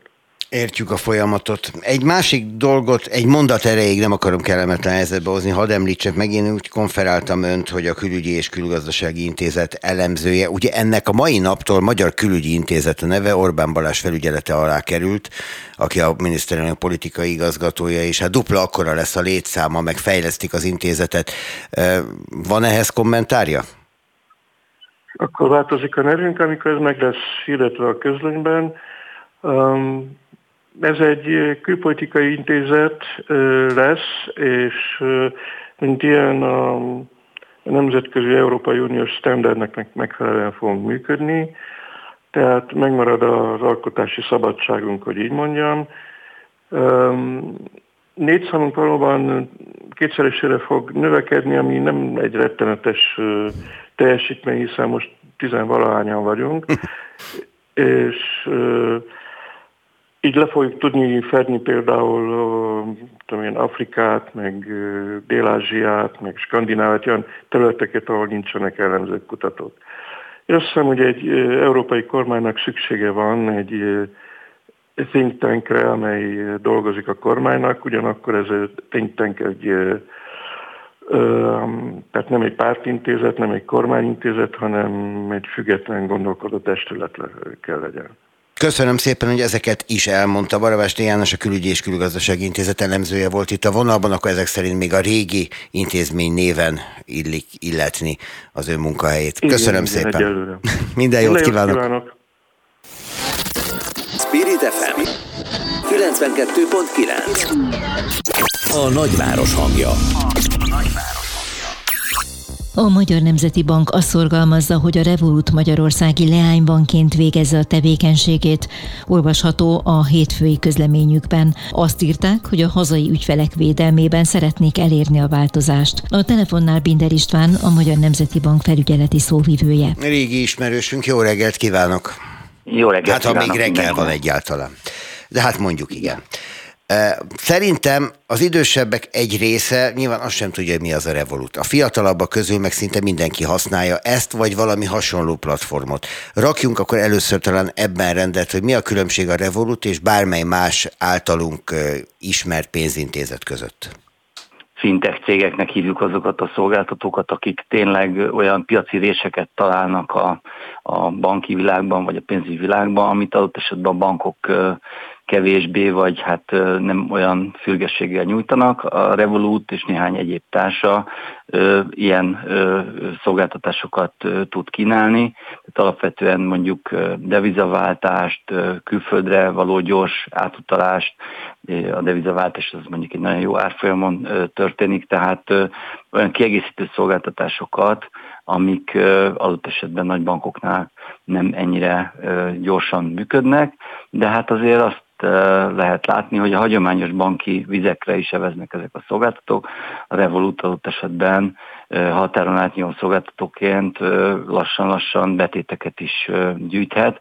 Jelen pillanatban egy litván anyabank határon átnyúló szolgáltatójaként működhet itt Magyarországon. Ez azt jelenti ez a fogalom, hogy nem feltétlenül szükséges, hogy Magyarországon legyen egy Európai Uniós banknak a székhelye, itteni tőkével, itteni központtal kell, hogy működjön, hanem ha bármelyik Európai Uniós tagállamban egy felügyelet engedélyt adott neki, akkor bejelentéssel határon átnyúló szolgáltatóként vagy fióktelepként, ez egy kicsit erősebb fogalom, a bármelyik más Európai Uniós tagállamba nyújthat. Ugye hát ez az uniós jog, persze, de úgy, ha, ha nagyon belegondolok, akkor itt igazából a legtöbb felhasználó, főleg ha nem litván, akkor egy applikációval találkozik csupán, és semmi mással. Tehát az applikáción keresztül tudok magával a céggel is kommunikálni, semmi, sehogyan máshogy. Hát igen, de azért az nagyon jó lenne, hogyha mondjuk egy magyar nyelvű ügyfélszolgálattal is tudnék kommunikálni, tehát hogyha valami ügyfélként, tehát hogyha valami problémám van, adott esetben az a tranzakció az, az nem teljesül, vagy adott esetben várni kell a pénzemre, vagy adott esetben a szolgáltató bevezet egy új díjat, amire ugye a magyar jogszabályok alapján meglévő szerződésnél nincsen joga, vagy adott esetben nyugtalanító hírek érkeznek, például arról, hogy a, a könyvvizsgáló az anyacégnél hát lényegi tévedéseket lát, ugyan nem utasította vissza az auditot, tehát a, a, ennek a, a folyamatát, és nem adott ki korlátozó záradékot, de azt jelezte, hogy hát nem tud mindent megnézni, nem tud az elvárt szintű megbízhatósággal meggyőződni, hogy itt tényleg a bevételek rendben vannak, mert a bevételeknek a három részben kriptoalapú valutával az, az, az nem pontosan látható számára. Szóval ezek olyan hírek, amik azért arra sarkalják az embert, és a pénzügyi felügyeletet is, hogy azt mondja, hogy hát azért mégiscsak jobb lenne, hogyha itthoni tőkeerővel, itthoni szigorú szabályoknak megfelelve kellene, hogy működjön egy bank, ugyanúgy, ahogy nagyon sok társa teszi itt Magyarországon, és akkor az talán egy biztonságosabb működést jelent. Arra az önök közleménye is felhívja a figyelmet, hogy a Litván bankfelügyelet korábban tájékoztatta a Magyar Nemzeti Bankot, hogy a Revolut egy fióktelepet, tehát nem egy lánybankot, egy fióktelepet kíván létesíteni Magyarországon, de hát azt is leírják, hogy ezen a tájékoztatón túl semmi nem történt, mert hogy ez nem valósult meg. Így van, mi már több alkalommal jeleztük természetesen magának a, az intézménynek is, hogy célszerű lenne ezt megtenni. Nem történt ez meg, és azt gondoljuk, hogy a megnyugtató megoldás a magyar ügyfelek érdekében, akiknek a pontos számát, a pontos pénzforgalmát, stb. természetesen így a Magyar Nemzeti Bank nem láthatja.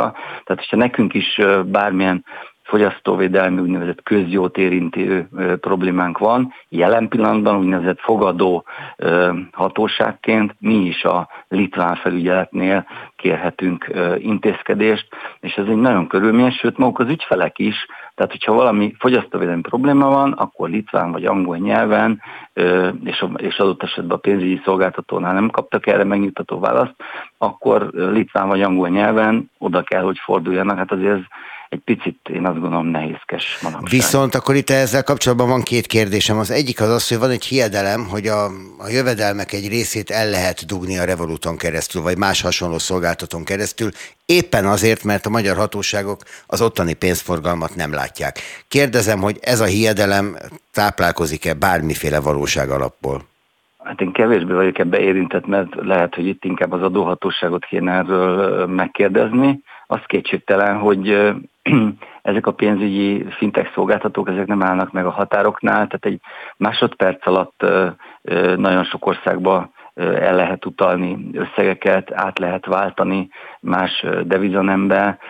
Ugyanakkor azért a Revolut illeszkedik a magyarországi pénzügyi rendszer egészébe, tehát nagyon sokan úgy használják, hogy a klasszikus bankszámlájukról utalnak át oda, esetleg elutaznak valahova, és akkor ott átváltják valutába, azt költik, netán ha visszajönnek, akkor azt visszaforgatják. Tehát azért azt gondolom, a magyarországi pénzügyi rendszer tagjai felől láthatók ezek a pénzmozgások az ügyfelek részéről. És hát természetesen azért van pénzmosás felügyelés például a, a NAV részéről, ebben a Magyar Nemzeti Bank is közreműködik, tehát az ilyen mozgások azért valamennyire követhetők. Meg hát, hogyha regisztrál az ember a Revolutra vagy bármelyik másik platformra, ott is meg kell adni azért az adatokat, amelyek nem lehetnek hamisak, mert az viszont ellenőrizhető. Tehát ilyen módon végül is azonosítva lesz az ember legfeljebb egy másik felületet használ. És akkor a másik kérdés, ami az egészet megelőzhette volna, hogy veszélyben vannak-e a magyar felhasználók bármilyen összefüggésben ezeknek a platformoknak, akár a Revolutnak, akár másnak a használatakor? Hát természetesen, hogyha azért egy Európai Uniós felügyelet által engedélyezett szolgáltatóról beszélünk, akkor ugyanazokat az európai sztenderdeket bármelyik uniós hatóságnak, így a litván hatóságnak is számon kell kérnie, be kell tartatnia, akár az előbbiekre visszatérve a pénzmosás, akár fogyasztóvédelmi, vagy akár más üzleti megbízhatóságra vonatkozó szabályokat. Tehát ebből a szempontból teljesen azonos az Európai Uniós szabályozás. Azért például az, hogy egy könyvvizsgáló nem teljes mértékben ért egyet ott a bevételekkel kapcsolatosan, nem lát minden tételt, az egy kockázati elemnek működ, minősül, bármelyik, akár Magyarországi Gazdasági Társaság idején, az is egy kockázati elemnek minősül, hogyha fogyasztóvédelmi problémák vannak, erről is kap azért a Magyar Nemzeti Bank jelzéseket, tehát én azt gondolom, hogy a legmegnyugtatóbb az lenne, és ez nem csak a magyar ügyfelek, hanem magának a Revolutnak az üzleti megbízhatósága, tényleg a, a, a megbízható működése szempontjából, ha vállalná ezt a magyar lánybanki feladatot, termhez természetesen tőkerő, szabályoknak megfelelés szükséges itt, itteni engedélyezés, de ezeket vállalni kéne a Revolutnak szerintünk. Az, hogy most önök ezt a közleményt kiadták, ez nyilván a Revolutot ugyanúgy nem kötelezi semmire, még akár válaszra sem, de válaszoltak-e? Tulajdonképpen sajtóban lehetett hallani, nem feltétlenül a mi közleményünkre választ, hogy ezek nem jelentős problémák a brit könyvvizsgáló részéről. Én azt gondolom, hogy azért itt nem csak arról van szó, hogy mi a Revolut felé adunk egy jelzést, hanem időről időre tájékoztatjuk a teljes magyar nyilvánosságot, elsősorban a fogyasztókat, akik valószínűleg százezes nagyságrendben vannak Magyarországon, hogy lássák a teljes képet, lássák az összképet. Nekünk ez a feladatunk, és utána a fogyasztók, az érintett ügyfelek pedig ez alapján meghozzák a döntést. De nekünk mindenképpen informálnunk kell időről időre a nyilvánosságot a helyzetről. Még egy dolgot engedjen meg, ami már túllép a Revoluton. A hagyományos bankok vajon miért nem veszik fel a fonalat úgy, ahogy ezek a fintech cégek, tehát ezek a legkorszerűbbnek mondott pénzügyi cégek megteszik? Fölveszik a, a, a fonalat, hogy így fogalmazzak, és ebben a Magyar Nemzeti Bank is közre működik. Magyarországon európai szint és minőségű azonnali átutalási rendszer működik. Ha úgy tetszik, ezt nem csak organikus fejlődésként lehet fölfogni, hanem a fintech nyomásra adott egyfajta válaszként, de nagyon sok egyéb jó innováció indul a banki világban, banki szektorban, sőt erre is, arra is van példa, hogy adott esetben mondjuk fintech cégeket bankok alapítanak, vagy együtt működnek, és, és kiegészítő szolgáltatást nyújtanak. Tehát én azt gondolom, hogy az mindenképpen egy jó hír, hogy ezek a fintech cégek erősebb versenyre, akár olcsóbb működésre, jobb szolgáltatásokra sarkalják a, a hazai bankokat, és hát sarkalják is, tehát tessék kedves bankok versenyezni, kiszolgálni jobban és gyorsabban az ügyfelek. Na így legalább úgy tudtuk befejezni, hogy mi jártunk jól ügyfelek. Köszönöm szépen. Minden is van a Magyar Nemzeti Bank felügyeleti szóvivője volt itt a vonalban. Szép napot kívánok önnek. Viszont. Kettő Köszönöm. perc múlva fél kilenc. Friss hírek, információk, beszélgetések. A Spirit FM reggeli műsora.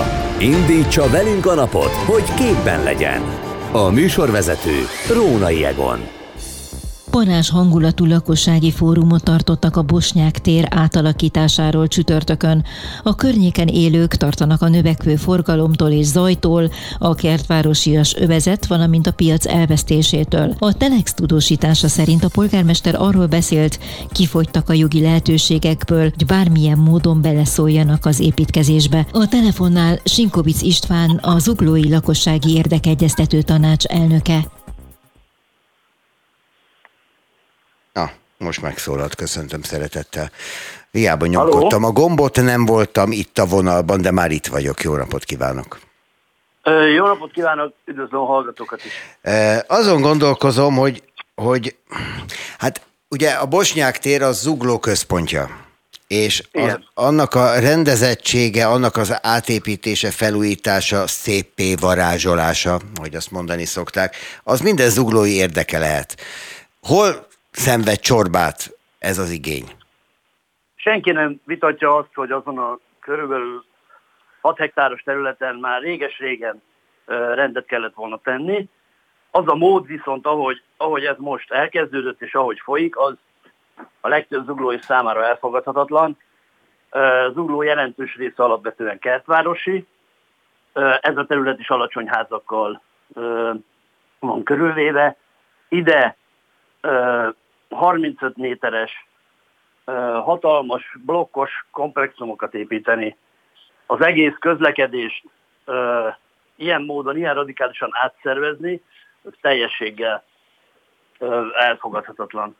Ugye nagyon gyorsan a Zuglói Egyeztető Fórum politikai adokkapokká alakult, ennek nyilván az is az oka, hogy Balázs Attila a nagy beruházó, aki a Bayer Construct ZRT elnöke, és azt mondják, hogy ő Tibor István üzlettársa, azonnal elindult a karmelitázás és a, a kormány, kormánya kapcsolatos ellenvélemények kifejtése, de hogyha csak leszűkítjük ezt a dolgot magára Zuglóra, ugye az az érv, hogy szebb lesz, rendezettebb lesz, munkahelyet hoz, mindenki jól jár vele. Miért nem így érzik ezt az uglóiak? Értem, hogy kertvárosi övezet, meg értem azokat a szempontokat, amik a hagyományok megőrzése mellett szólnak, de közben ugye a fejlődésnek sem lehetne gátat vetni.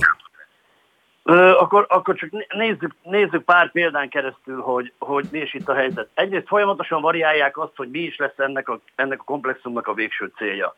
Először rengeteg lakásról volt szó, most a rengeteg lakás lekerült a napirendről, most arról van szó, hogy körülbelül 150 lakás lesz, és nagyságrendileg 120-150 ezer négyzetméternyi iroda. Az nagyon 150 ezer négyzetméternyi iroda, csak összehasonlításképpen mondom, hogy a most fölépült moltorony az 80 ezer négyzetméteres. Tehát ez annak a duplája. Annak a duplája területre fog minden reggel X mennyiségű irodai dolgozó megérkezni, és minden délután hazamenni. Több ezer ember, talán, talán tízezer fölött is lévő ember. Ezek az emberek fognak részben tömegközlekedéssel, részben autóval közlekedni azon a tököli úton, ami már most is tele van. A közlekedés fejlesztésére, már a tömegközlekedés fejlesztésére semmilyen, semmilyen terv nincs, ugye szó volt valamikor még a metróról, most már nincsen szó a metróról, mindegy is. A lényeg az, hogy ez az egész nem arról szól, hogy az a terület szép legyen, hanem arról, hogy valaki idejöjjön, és a magánterületén figyelmen kívül hagyva az összes ö, lakossági és ö, ö, dolgozói bármilyen igényt, építse valami saját magának nagyon kedvező, nagyon jövedelmező. Azt mondják a helyiek, ezt nyilván meg tudja erősíteni, sokkal jobban tudja, mint én, hogy miközben állandóan a zöld fejlesztésről beszél a beruházó, azon közben beépítenek minden talpalatnyi földet szinte, és persze ültetnek fákat, de igazából szinte látszani sem fog a rengeteg ház között. Természetesen, ahova ekkora méretű hasznos területet akarnak létrehozni, oda nem lehet kellő mennyiségű zöldet építeni semmilyen módon. Tehát ezek a hatalmas épülettömbök, meg lehet nézni a látványterveket, ezek, ezek nem alkalmasak arra, hogy, hogy bármilyen zöld dolog létrejön körülöttük, arra viszont alkalmasak, hogy gyakorlatilag mindenkinek egy jó nagy körben, úgymond, földrajzilag jó nagy körben tönkretegyék az életét. Az a kérdés az felmerült, hogy ha ekkora a lakossági ellenállás, és amennyire ezt én tudom, az önkormányzat ellenállása is egyébként, akkor hogyan kaphatott építési engedélyt zuglóban ez a beruházás? Nem kapott építési engedélyt Zuglóban ez a beruházás, egyáltalán nem kapott. Ez egy, ezt a réges-régen mindenféle ö, önkormányzati építészeti előírások alapján ö, ki kellett volna dobni a kukába. Ez egy kiemelt kormányzati beruházás lett, amikor a főépítész, illetőleg az erre hivatott személyek ö, próbáltak valamit csinálni az ellen, hogy, hogy, hogy mondjuk mit tudom én, akár a, létes, a területen létesített betongyárat megfúrják, vagy hogy, hogy bármi olyasmit, olyan intézkedés hozzanak, ami, ami, ami azt támogatja, ahogy az zuglói településtervezetek pillanatnyilag élnek, abban a pillanatban jött egy kormányrendelet, ami ezt felülírta. Ez zajlik folyamatosan. És egyébként nagyon jó mondja a szerkesztő úr, hogy a zuglói önkormányzati testület nagy része is ez ellen van. Épp ezért nem értjük a polgármesterünknek ezt a, ezt a hogy úgy mondjam, Bayer simogató rócsóját, amit az utóbbi időben művel, nem a, nem a lakosság és nem a képviselőtestület által képviselt véleményt támogat. Na akkor itt álljunk is meg egy kicsikét. Horváth Csaba nem mond ellent ennek a beruházásnak az ön véleménye szerint? Horváth Csaba a kommunikáció szintjén, mint MSZP-s politikus, természetesen úgy tesz, hogy mintha a NER beruházás az önmagában úgymond nem lenne jó. A valójában pedig ö, akármilyen gyakorlati dolog, illetve kommunikációs, dolog, kommunikációs szinten ö, azt, azt, azt sugalja, hogy ő igenis szeretné, hogyha mindezeket a, mindezeket a, ezeket, az, ezeket a jogosultságokat, amiket a Bayer szeretne, azokat megkapja. De miért akarná, miért akarná ezt, hogyha a lakosság meg nem mer szavazna? Ugye lesz azért itt egy önkormányzati választás egy év múlva, azt a lakosság nagyon gyorsan meg tudja bosszulni, hogyha szembe megy vele a polgármestere. Mindenki tegye fel, fel magának a kérdést, és válaszolja is meg, hogy miért, miért lehet ez esetleg a polgármester úrnak, mi a, mik a késztetései. Én erre nem tudok válaszolni. De mit akar vele sugalni? Nem is akarok semmit sugalni, halvány bőzöm sincsen, csak azt tudom, hogy valótlanságokat, túlzásokat állít, mégpedig a, a befektető érdekeinek a a, és jobb fényben való feltüntetésének az érdekében. Vannak itt olyan érvek, amiket a befektető szokott hozni, és amik így messzebbről nézve elég meggyőzőnek tűnnek. Tehát a környező utcák felújítása, az önkormányzat Bosnyák-téri beruházásába való részvétel, a Csömöri úti híd kiszélesítése, a Rákospatak revitalizációja. Tehát itt egy csomó olyan dolog van, amire lehetne azt mondani, hogy hát ez igen, ez egész zugló érdeke. Nem így látja? Nagyon, nagyon, nagyon örülök, hogy felvetette ezt a kérdést. 11,5 milliárd forintról beszélgetnek, hogy ennyit kapunk ajándékba a Bayer konstruktól, hogyha ha engedélyezzük az építkezését. Ennek, a, ennek majdnem a 100%-a, hanem 95%-a vagy olyan jellegű kötelezettség, amit egyébként is meg kell csinálni, vagy olyan dolog, ami neki az érdeke, nem pedig ajándék zuglónak. Tehát az, hogy a csömöri utat kiszéles, ki akarja szélesíteni, akit, amit nem kérte senki, azt azért kell csinálni, hogy, a, hogy azok a járművek, amik az ő építményét megközelítik, normálisabb körülmények között tudják ezt tenni. Azt, hogy a piacot el akarják úgymond dózerolni, vagy átalakítani, vagy valamit csinálni vele. Hát újjáépítik, újjáépítenék. Úgy, úgy szól ez, hogy újjáépítik. újjáépíték, aminek a lebonyolítását szintén nem nagyon lehet érteni, hogy hogyan képzelik, ugyanis a bosnyák téri piac az egész Budapest egyik legfontosabb piaca, azt egy másodpercig nem lehet, hogy ne létezzen. Tehát nem történhet meg az, hogy lerombolják és fölépítik, nem állhat le, egyeztettünk a, a Csapival is, a Csarnok és Piacfelügyelettel, ahol megerősítették, hogy a bosnyák téri piac nem hiányozhat Budapest életéből. Tehát el sem tudjuk képzelni, hogy a Bajár hogy képzeli azt, hogy egyszer egy bizonyos ideig nem lesz piac. Hát én a lehet piac közelében lakom, amikor azt a 90-es években ledózerolták, és épült egy új piac a helyére. Nem volt könnyű biztosan, de azért túléltük. Tehát szerintem a Bosnyák tér felújítása ebből a szempontból nem lehet kérdéses. Nyilván, aki a piacra jár naponta, pontosan tudja, hogy a Bosnyák téri Le... piac azért nincs jó állapotban. Vannak nyitott kérdések, nincs jó állapotban, lehet is nyugodtan re- rekonstruálni, ez nem kérdés. Csak ö, folyamatos maszatolás megy, és nem mondják meg az igazat, hogy mit szeretnének csinálni. Ez itt az uglójaknak a legtöbb, legtöbb, legtöbb problémája, hogy, hogy a, és mindeközben a Bayer olyan követeléseket állít az, a, a, az önkormányzat felé, olyan követelésekkel állt elő ezen a legutóbbi lakossági fórumon is, amik gyakorlatilag teljesíthetetlenek. Például? Ígéret, ö, például ö, szolgalmi jogokat kér oda az építkezéshez zajmentesítést éjszakára több, több héten keresztül. Az önkormányzat lépjen vissza mindenféle pertől és követeléstől és bármitől, amit, amit eddig elindított. Tehát, a, a, tehát hogy teljes, teljes kontrollvesztést kér az önkormányzattól.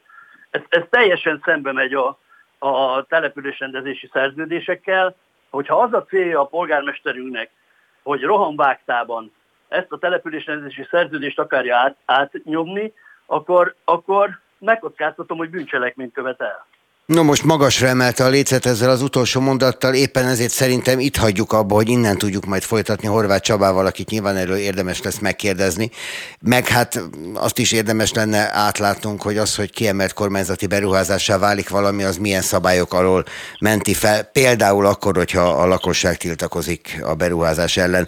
Köszönöm, hogy ezeket elmondta. Sinkovic István, az Ugrói Lakossági Érdekegyeztető Tanács elnöke volt a vonalban itt az aktuálban. Viszont hallásra! Köszönöm. Köszönöm szépen vissza! Spirit FM 92.9 A nagyváros hangja.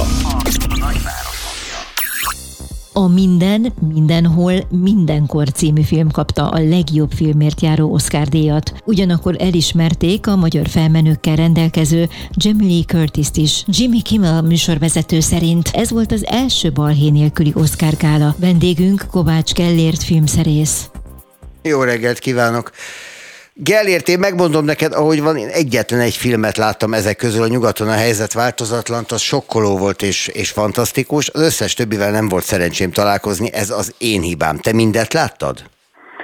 Jó reggelt! Ö, igen, mármint hogy a, a nagy jelöltek közül igen, hát van, vannak a dokumentumfilmek közül lemaradásaim, meg hát a rövid animációs filmek közül például, de azokat a filmeket, amelyek körül most ugye a, a legfontosabb Oscar kategóriák forogtak, pontosabban amelyik a leg, amelyek a leginkább esélyesek voltak, azokat láttam. A minden, mindenhol, mindenkor valóban annyival jobb film, mint az összes többi, ami az elmúlt esztendőben készült? Hát én azt mondanám, egyáltalán nem diplomatikusan egyébként, hanem nagyon is őszintén, hogy az egyik legkülönlegesebb film, ami valaha Oscar díjat kapott.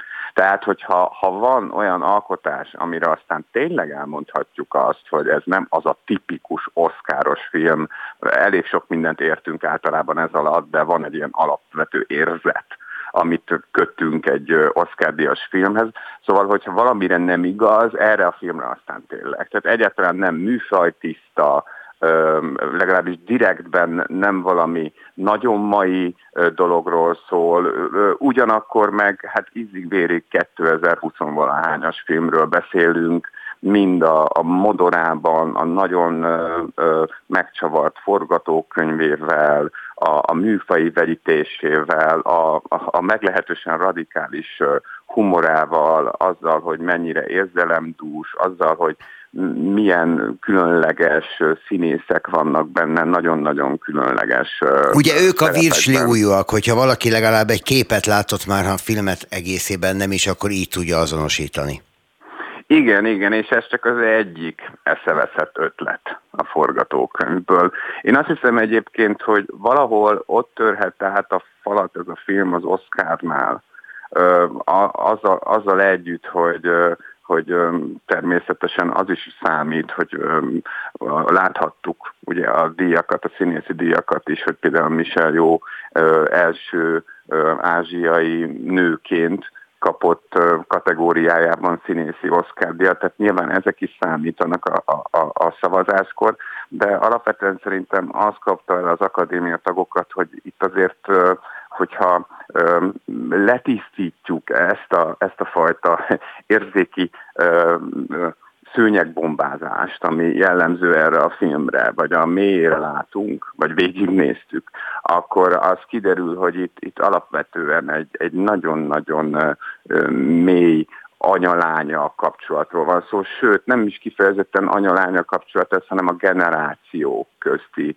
megértésről szól, olyan nyelven, amit a mai fiatalok is értenek. Hmm. Pontosabban talán ők egy kicsit még jobban is be tudják fogadni ezt a, ezt a fajta intenzív filmnyelvet, ami erre a mozira jellemző. Hiszen ők ebben nőnek már fel, persze.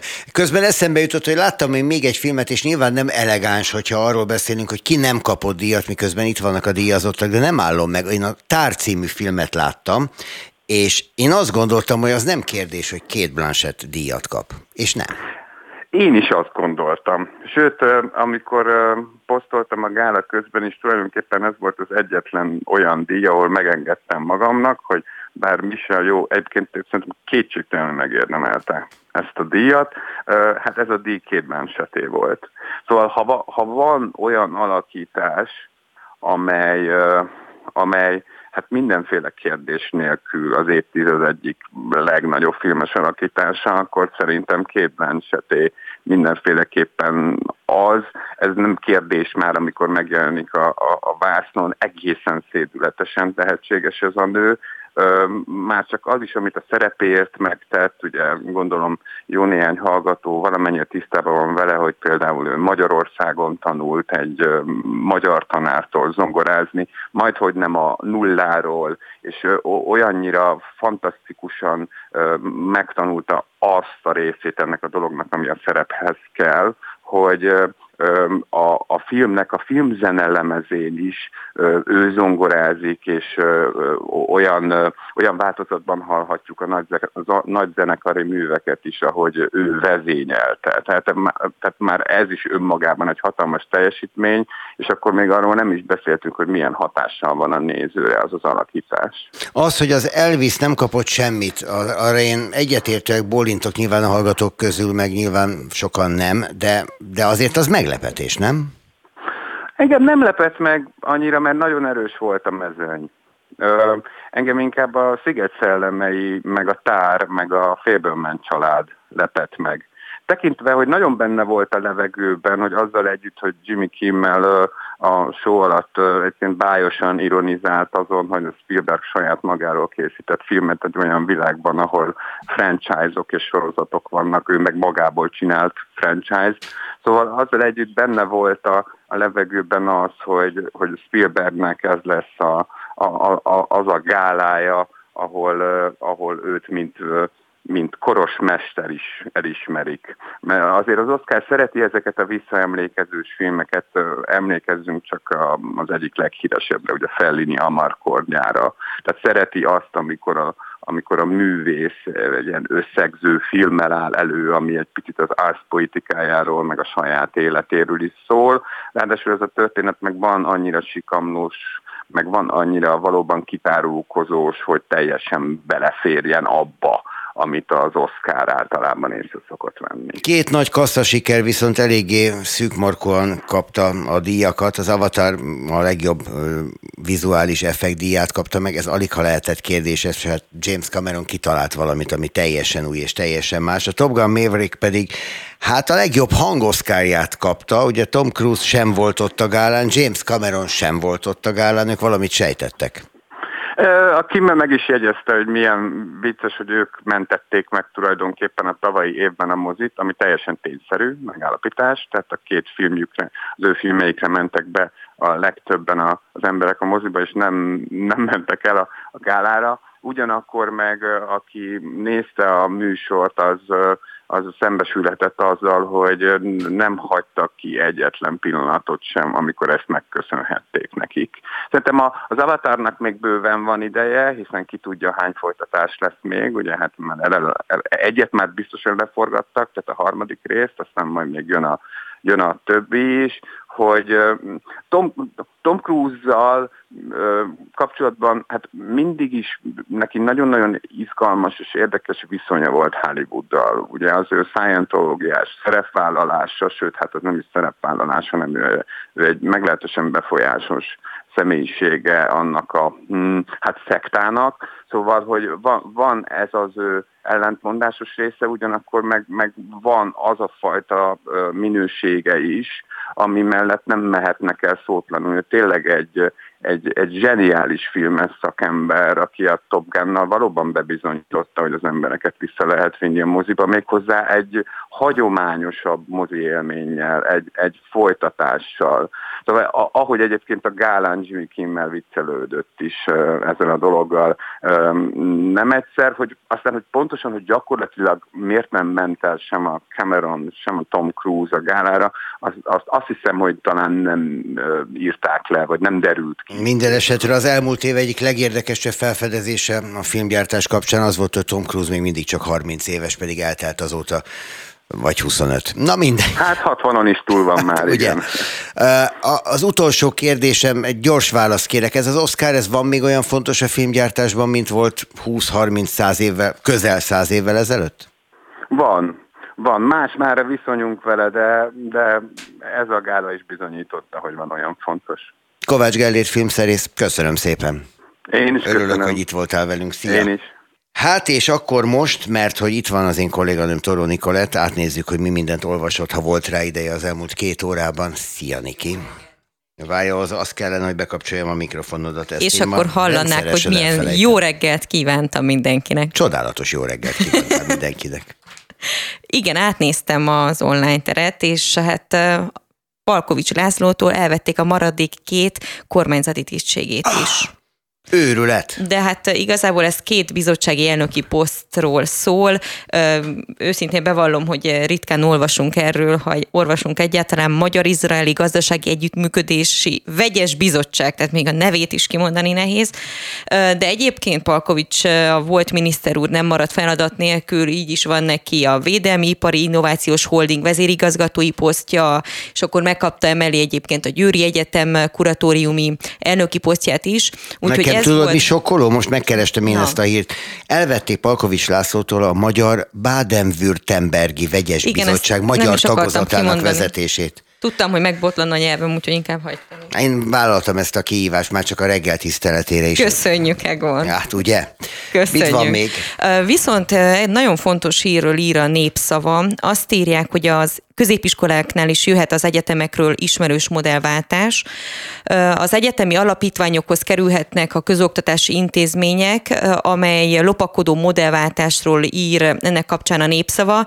A lap szerint az Óbudai Egyetemet fenntartó alapítvány bejelentkezett már a hatodik kerületi Szinyei Mersepál gimnázium fenntartásának az átvételére, és erről a múlt héten értesítették is a tankerületet, aki nem meglepő módon, vagy meglepő módon, ez ki milyen oldal olvasata szerint értelmezendő, hát azt mondta, nyitottnak mutatkozott az átadásra, és erről egyébként majd május 31-én Pintér miniszter úr dönthet.